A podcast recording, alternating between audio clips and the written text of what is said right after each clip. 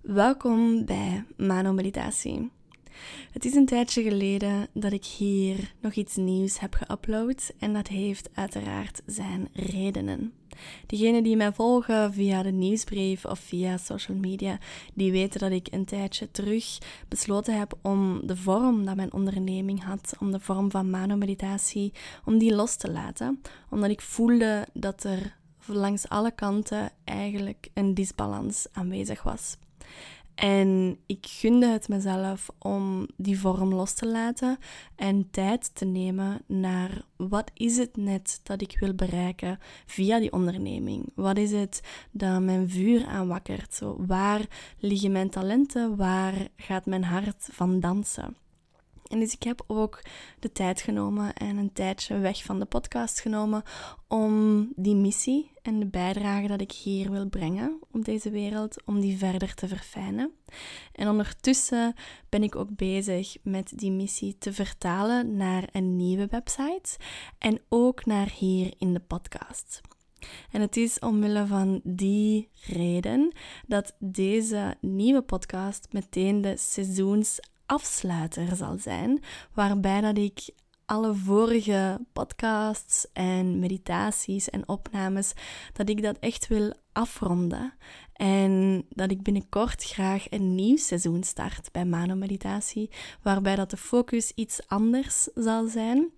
Maar een focus die in mijn aanvoelen dichter aanleunt tegen mijn missie en tegen mijn talenten en wat dat mijn hart echt verlangt om hier te kunnen brengen en om, om over te kunnen delen. Dus heel graag deel ik met jullie deze seizoensafsluiter. En het is met een fantastische gast, namelijk Dowley Saifood. En grappig genoeg is Dowley eigenlijk een onderdeel, of is onze connectie een onderdeel van de nieuwe stappen die ik gezet heb. Dankzij de tijd die ik even genomen heb voor mezelf om te heroriënteren. En dus ondanks dat het een afsluiter is, is er meteen al een connectie gemaakt met die nieuwe stappen die ik aan het nemen ben, die nieuwe projecten die ik aanga, omdat Dowley namelijk de oprichter is van het praktijkhuis Puur Zuid in Antwerpen. En vanaf maart zal ik starten met hier coaching voor vrouwen aan te bieden, elke donderdag.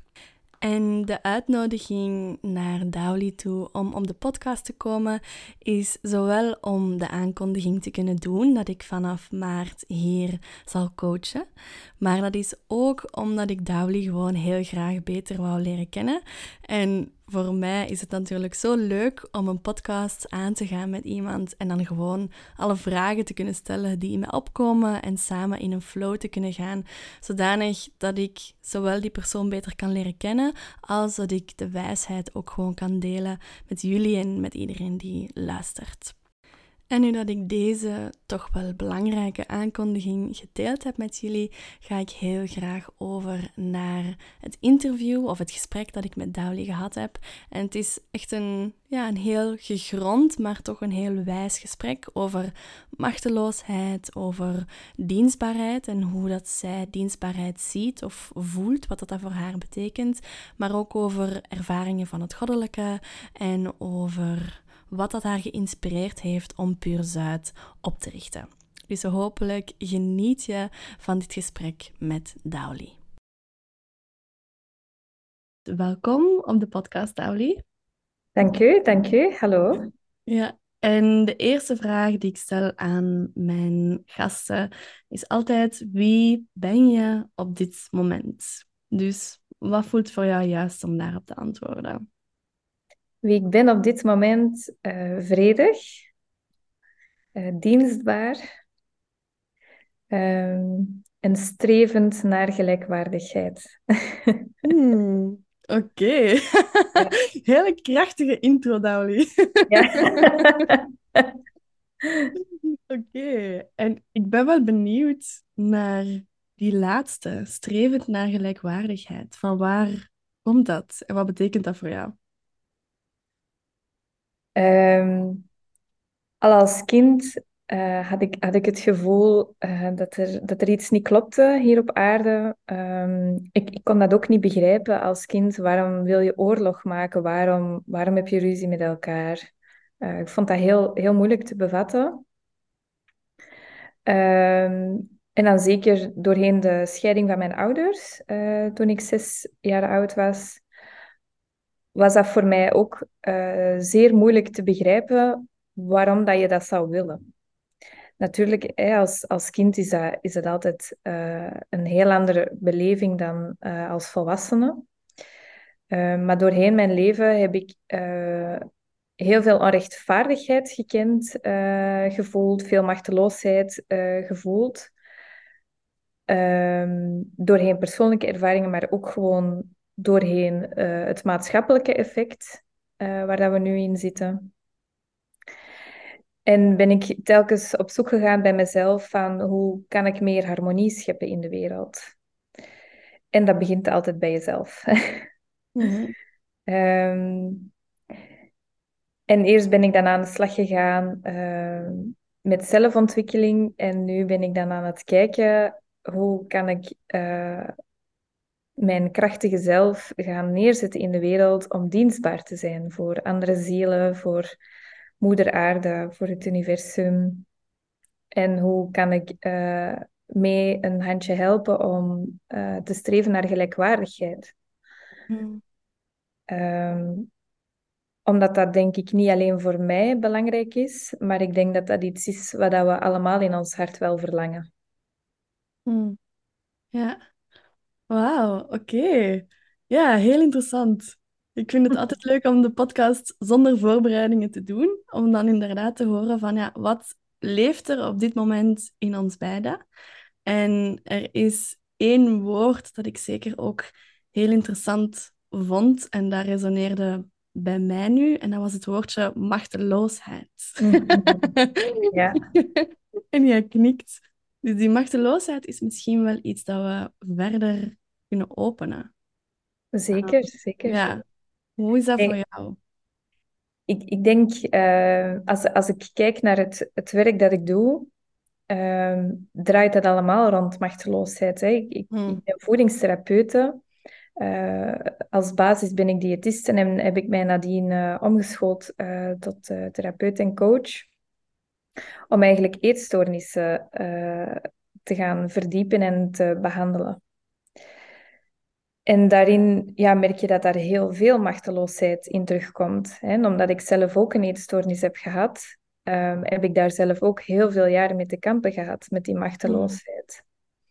En die machteloosheid is, is natuurlijk een heel belangrijk onderdeel als je een eigen identiteit wil, uh, wil, wil opbouwen. En ik denk als je kijkt naar hoeveel volwassen mensen dat er rondlopen op aarde zonder eigen identiteit, dat we daar enorm van zouden schrikken. Hmm. Omdat we ons heel vaak machteloos voelen. En uh, dat zie je bijvoorbeeld ook hè, bij protesten waarbij dat er iemand zichzelf gaat vastlijmen aan, aan een heel duur schilderij, hè, bijvoorbeeld. Of waarbij dat er iemand een ander land gaat, gaat, bombar gaat bombarderen, letterlijk. Hmm. Dat, is, dat is allemaal vanuit die machteloosheid. Mm En wanneer wil je macht? Ja, dat, dat wil je alleen maar als je niet van jezelf houdt, als je geen eigen identiteit hebt, als je niet weet wie dat je bent.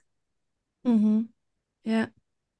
Ja, en je spreekt over, um, over volwassenen en over zo meer globale thema's. En ik zie dat ook nu natuurlijk, omdat ik terug aan het lesgeven ben, is dat mhm. ook die machteloosheid, dat is ook zo een groot uh, een hele aanwezige energie in de lessen en in de school. Ik geef uh, ondertussen les in, in Anderlecht, in een Brusselse school, uh, voor de luisteraars. En um, ja, daar is die machteloosheid van die kinderen ook zo enorm groot. Want ze worden mhm. natuurlijk gezet in een systeem waar dat mhm. ze eigenlijk niet zelf voor kiezen. In een structuur waar ze niet zelf voor kiezen. Lessen waar ze voor het grotendeel niet zelf voor kiezen. En ja, de, de energie in die klasse en, en van die kinderen is ook heel um, rebels. Maar net vanuit, ze hebben geen macht over ja, wat dat ze wel of niet zelf mogen kiezen. Mhm. Ja, dus dat is zo heel... Dat is best schrijnend om dat te zien, die machteloosheid. En om te voelen hoe, ja. En ja, en, en toch is dat het punt van evolutie. Hè? Toch, Mm. toch moeten we allemaal doorheen die lagen gaan om, ja, om, om, eh, om meer tot die zelfliefde te komen natuurlijk. Hè? Zonder die machteloosheid weten we ook niet wat dat dan die, eh, die, die liefde is. Hè? Niet alleen voor jezelf, maar ook voor de aarde, voor andere zielen, voor het universum. Mm. Dus die, die machteloosheid is ook, is ook ergens nodig natuurlijk voor die kinderen om, ehm, om te ervaren wat dan niet liefde is. Mhm. Ehm, alleen is het, is het jammer dat er dan zeer weinig voorbeelden zijn die dan kunnen tonen wat dan wel liefde is. Mhm. Ja, ja, inderdaad. Ja, en ik vind het ook jammer dat al die intense lessen op het niveau moeten komen van, of op de leeftijd moeten komen van hoe oud dat zij nu zijn. Zo, hoe prachtig is het als je vanaf het begin van je leven inderdaad zoiets hebt van, kijk, ehm, er zijn in hoe dat je het leven ervaart, hoe dat je door het leven gaat, gaan er altijd momenten zijn dat je dingen moet doen dat je misschien niet zo leuk vindt. Dat het gewoon nodig is om een bepaalde structuur te volgen. Nodig is om, ja, om, om dingen te doen die goed zijn voor jou, maar misschien niet leuk zijn voor jou. En het is ook zo dat je de vrije keuze hebt. En dat het belangrijk is om zelf te leren kiezen wat dat jij wilt. En om zelf te kunnen, Absoluut. ja, te kunnen nagaan van... Oké, dit werkt voor mij en dit niet. En dat is iets wat ik gewoon zelf in de scholen nu ja, heel erg mis. Gewoon dat Mhm. stukje van kunnen en mogen kiezen, dit werkt voor mij en dit niet. En dat dat, dat, dat gewoon oké is. Ja, we, we zijn ons eh, vaak te, te weinig bewust van eh, hoeveel vrijheid dat we echt hebben eigenlijk. En er wordt ons gebrainwashed en gezegd dat we die Mm. vrijheid niet hebben. Maar we hebben Mm. altijd een keuze. Je kan Mm. kiezen om daar mee mee te doen. Ehm, en dan, dan gaat het zelfs hè, op een dieper niveau echt over, hè, over corona dan. Hè, je kan ervoor kiezen om mee in de angst te gaan, of je kan ervoor kiezen om bij jezelf te blijven en in de liefde te blijven. Mm. En als je dan eh, kijkt naar, naar die periode toen, hoeveel slachtofferschap dat er toen was. Hè? En wij moeten eh, sowieso allemaal uit ons slachtofferschap komen en 100% Mm. verantwoordelijkheid gaan nemen over onszelf. En ook Mhm. over die, die dienstbaarheid, over gelijkwaardigheid. Hoe, hoe kunnen wij ons, onze verantwoordelijkheid daarin gaan nemen? Mhm. En als, als ik bijvoorbeeld ook kijk bij, bij mijn cliënteel eh, met, eetstoornissen of, of eetproblemen of al is het emotioneel eetgedrag, het is, eh, voor mij is het allemaal één pot nat. Eh, ik, ik kleef er ook niet graag een sticker, een sticker op, ehm, hè, want dat klinkt direct zo hard, eetstoornis. Ehm, maar laten we het houden op een, ehm, op een vers- verstrengeling, vers- verstrikking met eten en, eh, en zelfbeeld.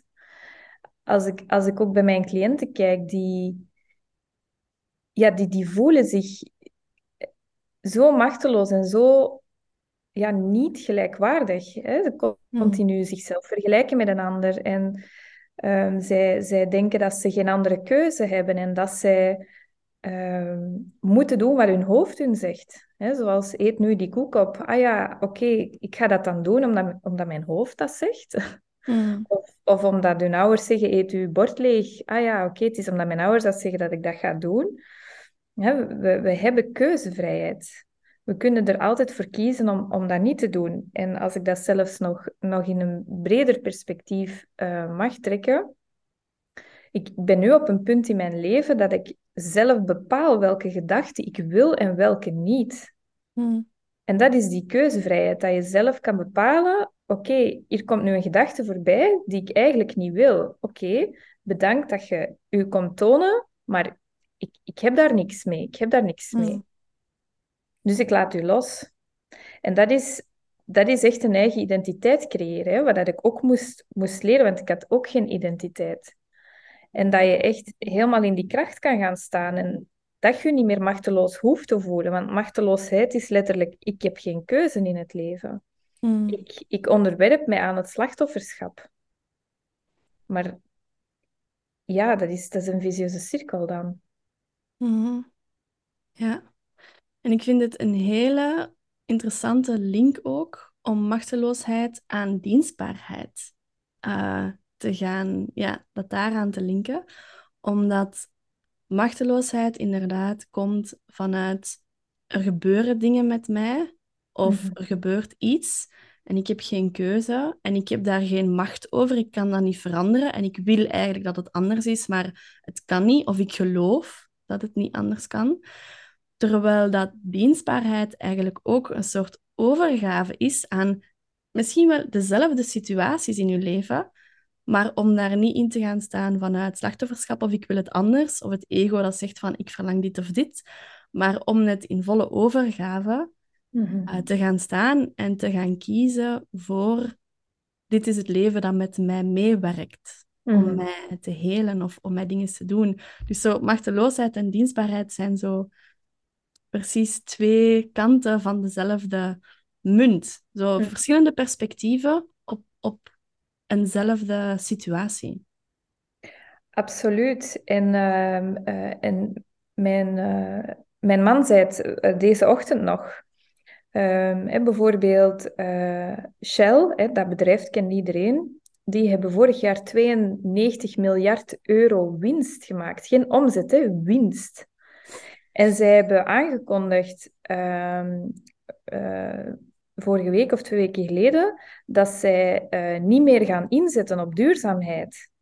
Dus met andere woorden, zij gaan olie uit de aarde blijven ontginnen en de aarde blijven kapot maken en zichzelf 92 miljard euro uitkeren om daar dan weer aandelen van andere bedrijven mee te kunnen kopen, om dan daar weer winst mee te kunnen maken. Hè, dus um, dus waar is die dienstbaarheid van Shell bijvoorbeeld? Hè? En, en BP hmm. bijvoorbeeld heeft, heeft nu ook recent aangekondigd dat zij ook gaan besparen op hun duurzaamheid. Terwijl dat je denkt, ja, maar hoe, hoe ga je dat uitleggen aan jouw kinderen? Hoe ga hmm. jij uitleggen als CEO van Shell dat jij er bewust voor kiest om je eigen bedrijf de aarde kapot te laten maken? Uw kind moet daar nog wel op leven hè, de komende jaren. Mm. Hoe, hoe leg je dat uit? Ja, waar, waar is die dienstbaarheid? Hè, mm. Dus, dus als je als, als, je als CEO al, al zoveel winst voor jezelf wilt, wilt binnenhalen en voor jezelf wilt houden, ja, dan moet je wel zeer machteloos voelen. Hè? Daar moet zoveel trauma op zitten dat je, mm-hmm. dat, dat, je, dat je zoiets doet, eigenlijk. Mm. Ja, of de dienstbaarheid is naar een is naar het ego en naar de hunkering, inderdaad, naar mhm. macht. Daar zit hun dienstbaarheid.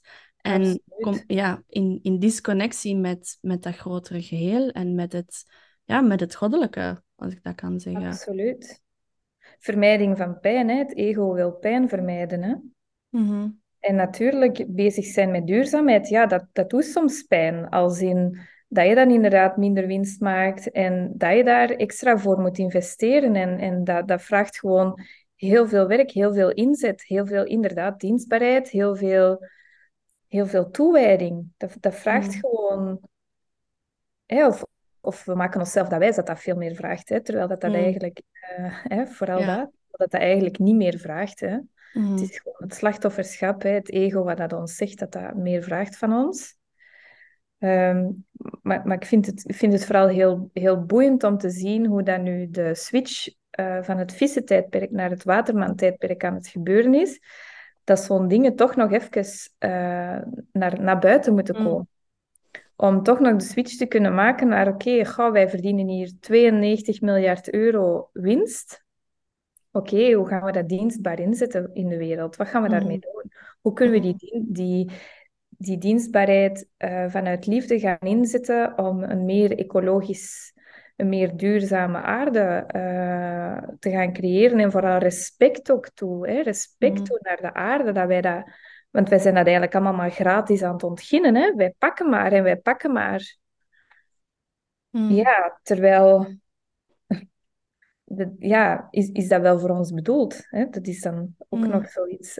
Ja, ik vraag me af dienstbaarheid bij jou, is dat iets dat vooral gelinkt is aan het menselijke en zo het aardse en die moeder aarde en hoe dat die ons voedt en uh, de mensen rondom jou die gelijkwaardigheid en die dienstbaarheid om mensen gelijk te maken?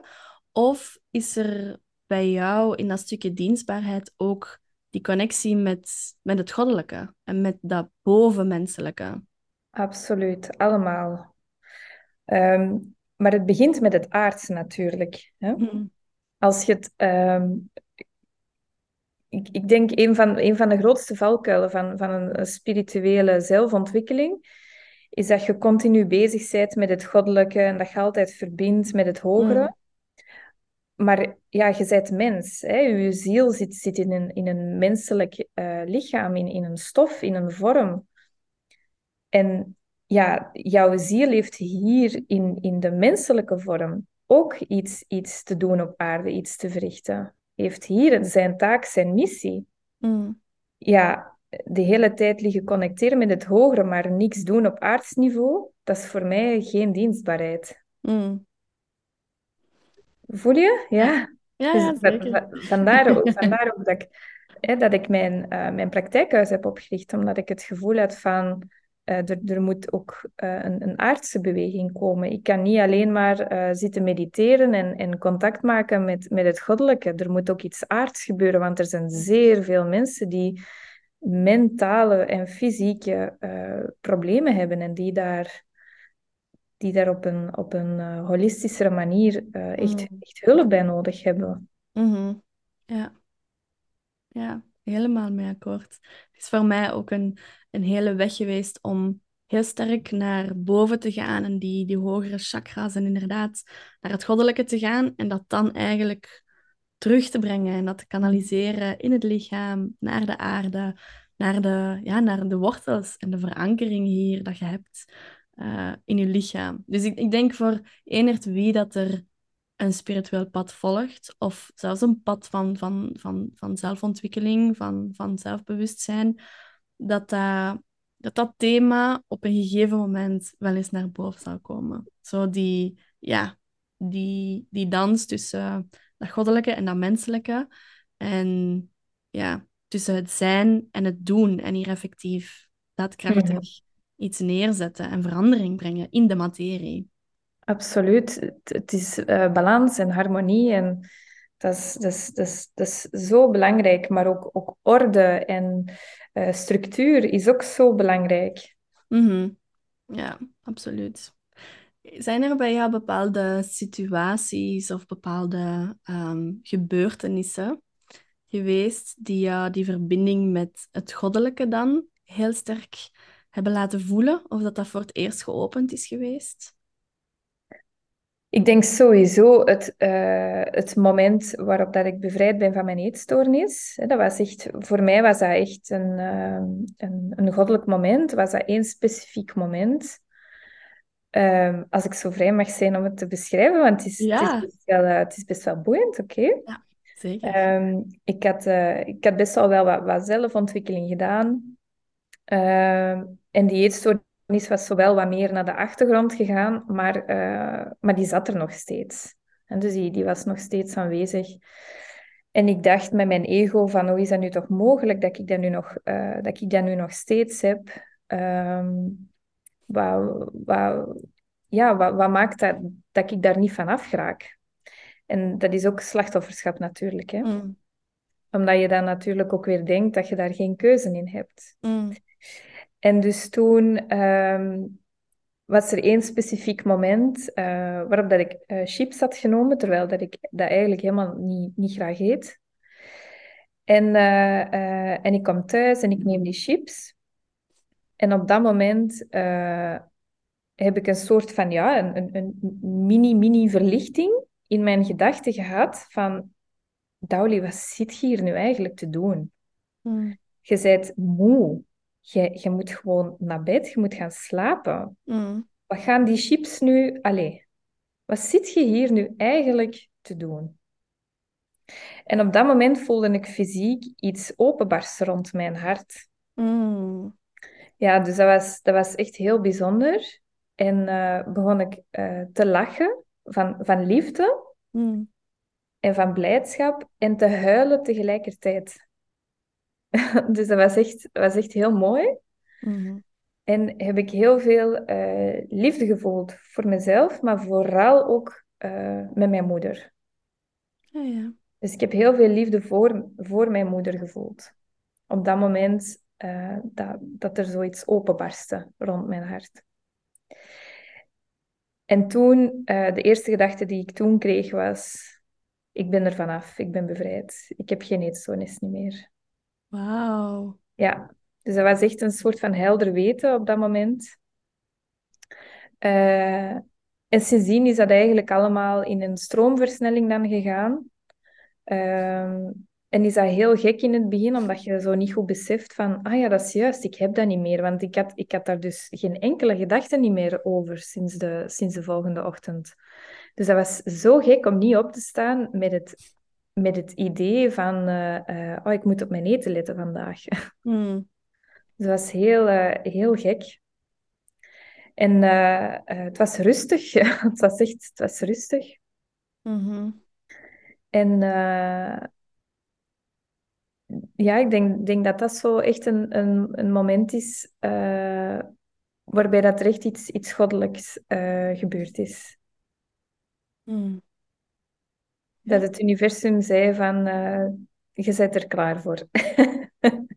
ja, zalig. Zo mooi. Ik, ik herken ook wel die, die ervaring van het goddelijke. Ik heb ehm, een paar jaar terug, is ondertussen, heb ik ook zo ehm, voor de eerste keer dat goddelijke uh, mogen voelen. Um, want daar wordt zoveel over, ja, over geschreven en over gesproken, maar zo zolang dat je dat niet gevoeld hebt, mhm, mhm. ja, dan, ja, dan weet je eigenlijk niet over wat dat het gaat. En dan kun je het mhm. wel proberen begrijpen met je hoofd. Maar hetzelfde, hè? Ja, dan is dat niet je realiteit. En, en bij mij was het ook zo dat dat, dat hart is dat gewoon uiteenspat in gewoon liefde. En dat ik ook tranen moest laten van, van ontroering. Van gewoon te voelen hoe diep dat ik geliefd word. Of dat, dat er liefde door mij heen stroomt en dat er liefde is en bestaat. Uh, dus ehm, ja, ik denk dat dat misschien voor nog mensen wel gelijkaardig is. Dat het goddelijke op die manier wel veel mensen raakt. Gewoon door de hart opeens zo even helemaal open te laten spatten. Mooi, mooi. Mhm. ah, cool, ja. Bij mij was het inderdaad ook, ook maar... Ah, cool. Ja, inderdaad. Yes. Mm. Ja, ik vind het fijn om jou te horen spreken en om verschillende lagen te horen van uw ervaring van dienstbaarheid, van uw ervaring van, van gelijkwaardigheid. Ehm, zijn er bepaalde um, gezichten van bepaalde goden of godinnen waar dat je u mee verbindt als jij dat goddelijke terug wil voelen?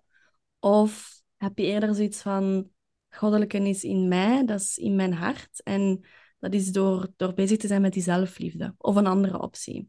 Zo, hoe cultiveer jij die connectie met het goddelijke en met die liefde? Uh, door te mediteren op de stralen. Ik weet niet of dat je die kent, de zeven stralen. Ja.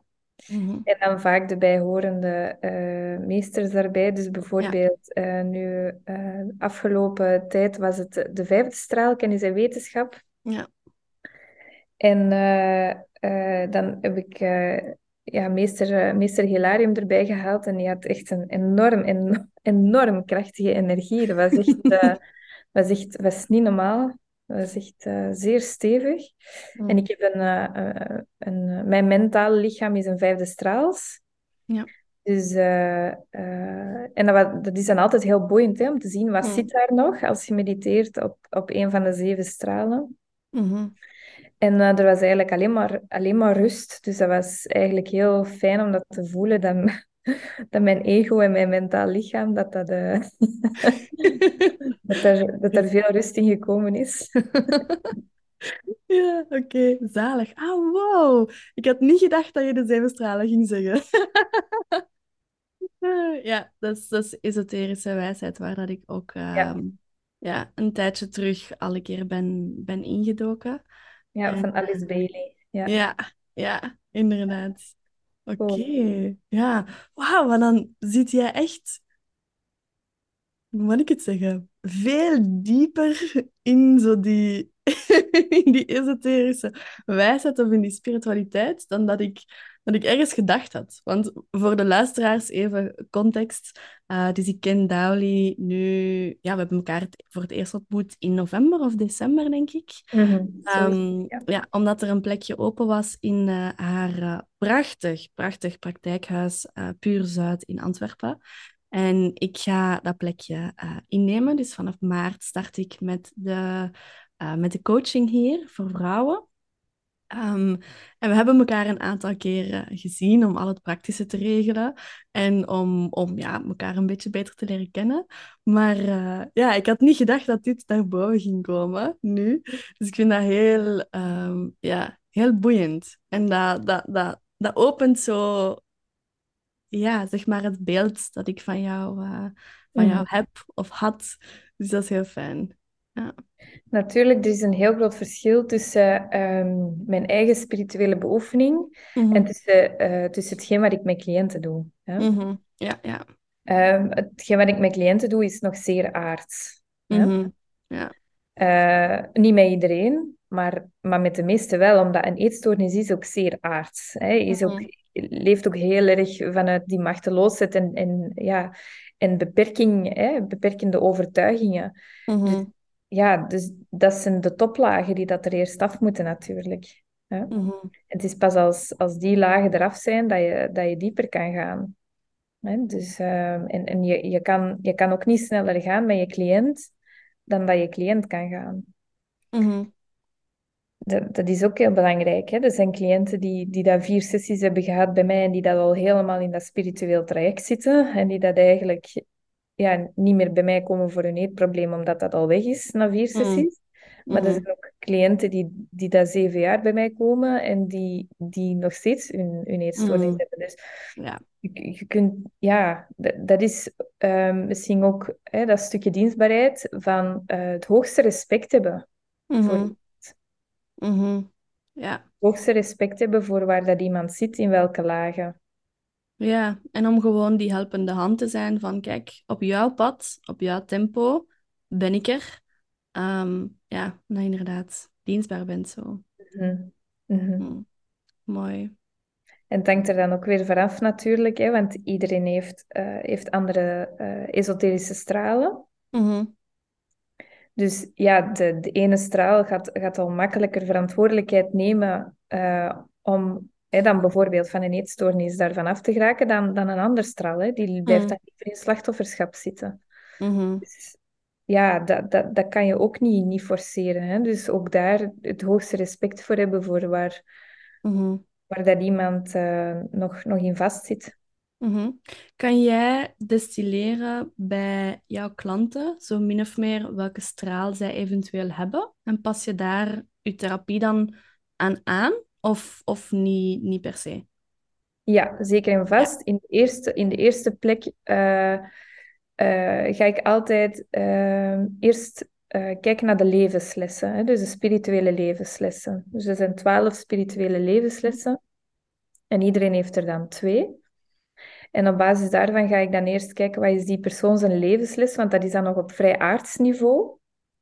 Ehm, en dan ga ik, eh, en dan, dan, dan, doorvoel ik dat. En soms kan iets een levensles lijken, maar is het gewoon een, een thema? Hè? Is het Mm. niet zijn levensles? Dus ga ik eerst met die thema's aan de slag. Hè? Van, eh, ik zeg nog maar iets, hè? als iemand mijn eetstoornis, eh, levensles vertrouwen heeft, ja, dan, dan moet hij eerst de phalanx gaan overbruggen. Hè? Van, eh, stel dat ik geen eetstoornis niet meer heb, ja, eh, ga, ga, ik dan, ga ik dan falen als ik dan te veel eet of te weinig eet? Of, hè? Mm. Dus, dus, eh, dus dat is dan wel heel boeiend als je weet wat dat die persoon zijn levensles is. Hè? Want dan loopt hij Ja. daar tegenaan in, in elk aspect van diens leven. Mhm. En als ik dan voor mezelf, hè, want ik, ik deel dat niet altijd, hè, omdat dat is, dat is ook mijn taak niet natuurlijk. Hè. Dat, is, Mhm. aan de cliënt zelf om dat, om dat, eh, om dat te doorvoelen.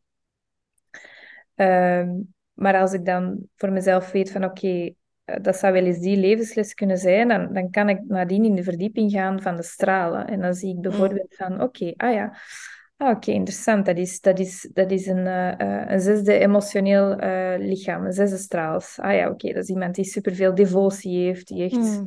een enorme power heeft uh, in, in, in de emoties bijvoorbeeld. Hè? Dus, dus dat vind ik dan wel heel boeiend. Mm. En dan pas ik de, de therapie daar, daar zeker op aan. Ja, ja. oké. Wauw, super tof om dat te horen. Ja, om even zo in jouw hersenen te kunnen kijken hoe dat je dan de klanten helpt. ja, en misschien nog een laatste thema dat ik graag nog eventjes wil, wil openen met jou. En dan kunnen we daarna um, rustig afsluiten. Is er een bepaalde inspiratie geweest om Puur Zuid, en dus jouw holistisch praktijkhuis, om dat op te starten? Uh, zo voel je daar echt een soort calling? Of wat betekent Puur Zuid voor jou? Dat zijn heel veel mooie vragen. Kies maar de welke dat je wil beantwoorden. Ik zal ze, ik zal ze allemaal beantwoorden. Hmm. Ik heb in heel veel uh, praktijken gezeten. Ehm, doorheen mijn carrière. En uh, ik miste daar altijd iets. Ik miste uh, een soort van uh, holisme. Als in, als ik dan het gevoel had, ik moet die persoon doorverwijzen, dan had ik geen connectie met de personen die daar in die praktijk zaten. Dus dan ver verwees ik door naar iemand die dan buiten die praktijk zat ja, dat was dan lastig voor mijn cliënt, want die vond het dan eigenlijk wel praktischer als die gewoon in dezelfde praktijk uh, kon komen bij iemand anders. Dus dat was sowieso wel een eerste reden uh, waarom dat ik een, een soortgelijke visie, een, een holistische visie onder één dak wou aanbieden. Uh, en ook, ook heel divers. Um, een, een, tweede visie uh, die dat ik dan zelf doorheen mijn eigen proces heb ontdekt, is dat uh, onder, onder alle lagen dat er eigenlijk uh, trauma zit. Hè? Trauma van, van de familielijnen, maar ook eigen trauma's. En dat dat eigenlijk gewoon echt de, de basis is om, om aan zelfontwikkeling te doen. Om eigenlijk doorheen die traumalagen doorheen te gaan. Om, om alle emoties te kunnen loslaten, om alles te doorvoelen. En daarom dacht ik, uh, als ik een praktijkhuis opricht, dan moet dat gericht zijn op de behandeling van trauma. Dan moet dat gericht zijn op uh, vooruitgang. En jij vroeg uh, naar de naam Puur Zuid. Mijn, mijn man heeft, heeft de naam bedacht. Ik zei tegen hem, ik wil iets met Zuid, hè, omdat, het, omdat het gelegen is op het Zuid in Antwerpen. En ik vind dat op zich ook wel een, een, een leuk woord, Zuid. Mm en hij uh, zei toen iets heel moois. Hij zei, uh, je bent voor mij heel puur. En toen zei hij, waarom noem je het niet naar jezelf? Puur Zuid. Hmm. Ja. ja. Dus zo is eigenlijk de naam ontstaan, dat we eigenlijk een, een soort van ja, een, een traumapraktijkhuis zijn om mensen naar de puurste versie van zichzelf uh, te kunnen begeleiden. En ik weet nog goed, uh, toen ik hier het, bord uh, aan zag hangen van te koop aan het pand, het was echt een, een roeping, zoals dat jij zegt. Hè. Het was echt een, een calling dat ik voelde diep binnen in mezelf. Ja, dit is het. Hmm. Ja, dit is het. En uh, ik, ik, heb een, ik heb een emotioneel lichaam. Dus als ik voor iets ga, dan ga ik er ook echt gewoon volledig voor. En dan gaat niks mij, niks mij tegenhouden. Dan sta ik zo in mijn innerlijke kracht. Hmm. En daar ben ik dan ook gewoon volledig voor gegaan. Uh, dus ik heb dan een bod gedaan en dan kwam ik nadien thuis en moest ik het nog tegen mijn man zeggen. ik zeg, ik heb niet gedaan. een beetje zat. ja. En uh, dus voilà, dus ondertussen zijn we, zijn we al uh, een, een, paar jaar verder. Zijn we nu uh, drie jaar verder. Sinds dat ik ben beginnen oprichten. Dus ja, kijk, en we zijn uh, nog steeds aan het groeien, dus dat is, uh, dat is heel fijn. Mm Ja. ja, en ik kijk er ook naar uit om, om een dagje per week, of toch in het begin, te komen coachen bij jullie. Het is echt uh, het is een bijzondere plek dat je daar hebt opgericht. Zo, ja, een hele pure energie, inderdaad.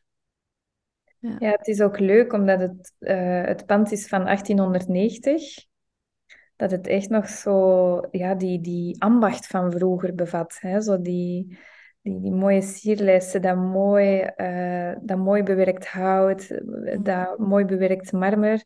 Hè, tegenwoordig um, is er nog zeer weinig ruimte voor echte ambachten. Hè? Is het allemaal maar snelbouw en mm -hmm. zoveel mogelijk geld verdienen. En, um, en dat vind ik ook wel het, het mooie aan dit pand, dat dit echt nog die, uh, die, die authentieke ambacht uitstraalt. Mm. Ja. Puur. Ja, ja puur. Inderdaad. Mm. Oké. Okay. Ah, wel, als de luisteraars um, ja, zich aangetrokken voelen tot, tot jou of wat dat je verteld hebt, of um, luisteraars die eventueel ook met uh, eetstoornissen zitten of een moeilijke relatie met, met voeding hebben, hoe kunnen zij dan bij jou terecht?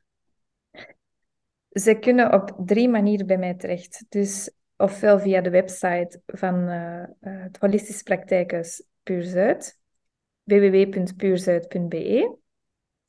Maar ik heb ook een persoonlijke website en dat is www.bewust-genieten.be. En daar staat eigenlijk uh, alle info over mezelf op, uh, ook blogs uh, ja. over mezelf, ook een stuk van mijn eigen traject. Maar ook een gratis e-book dat mensen kunnen downloaden, waar ook al heel veel informatie in staat, ook voor ouders van kinderen met een eetstoornis. En dan heb ik uh, sinds kort, recent, een, uh, een derde nieuw uh, project erbij. En dat is mijn Eetstoornis Academy, waarbij dat ik online cursussen heb gemaakt voor mensen die graag zichzelf willen bevrijden van hun eetproblemen.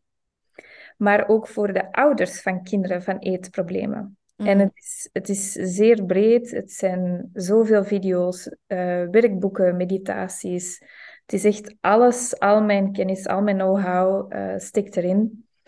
Uh, aan een uh, zeer, zeer, zeer schappelijke prijs, omdat ik het toegankelijk wil, wil houden voor mensen.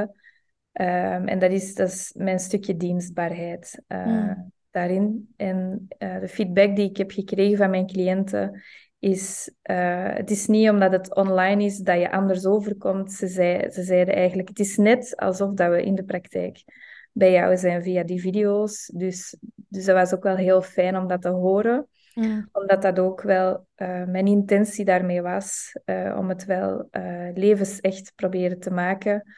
eerst wou ik een boek schrijven, maar ik had, ik had zoveel info dat ik eigenlijk niet verwerkt kreeg in, in een boek. Dus dan dacht ik, ik ga het gewoon, gewoon grootser aanpakken en ik ga online cursussen maken. En die kan je uh, volgen op uh, www.eetstoornisacademy.be. Oké, okay, super. Dankjewel om dat te delen. Ik hoop dat, ja, dat de luisteraars um, die zich geroepen voelen hun weg vinden naar jou. En dan wil ik jou nog heel graag bedanken om uh, open en eerlijk jouw wijsheid te delen. Om samen in de dienstbaarheid te gaan tijdens het gesprek. Dank je wel daarvoor. Jij ook bedankt voor jouw dienstbaarheid in deze podcast. en dan, uh, ja, dan sluit ik graag hier samen af. En voor de luisteraars, dank je wel om mee te luisteren. Ik hoop dat het jou inspiratie gegeven heeft, dat het jou inzichten gebracht heeft. En hopelijk luister je de volgende podcast ook nog mee. Tot de volgende.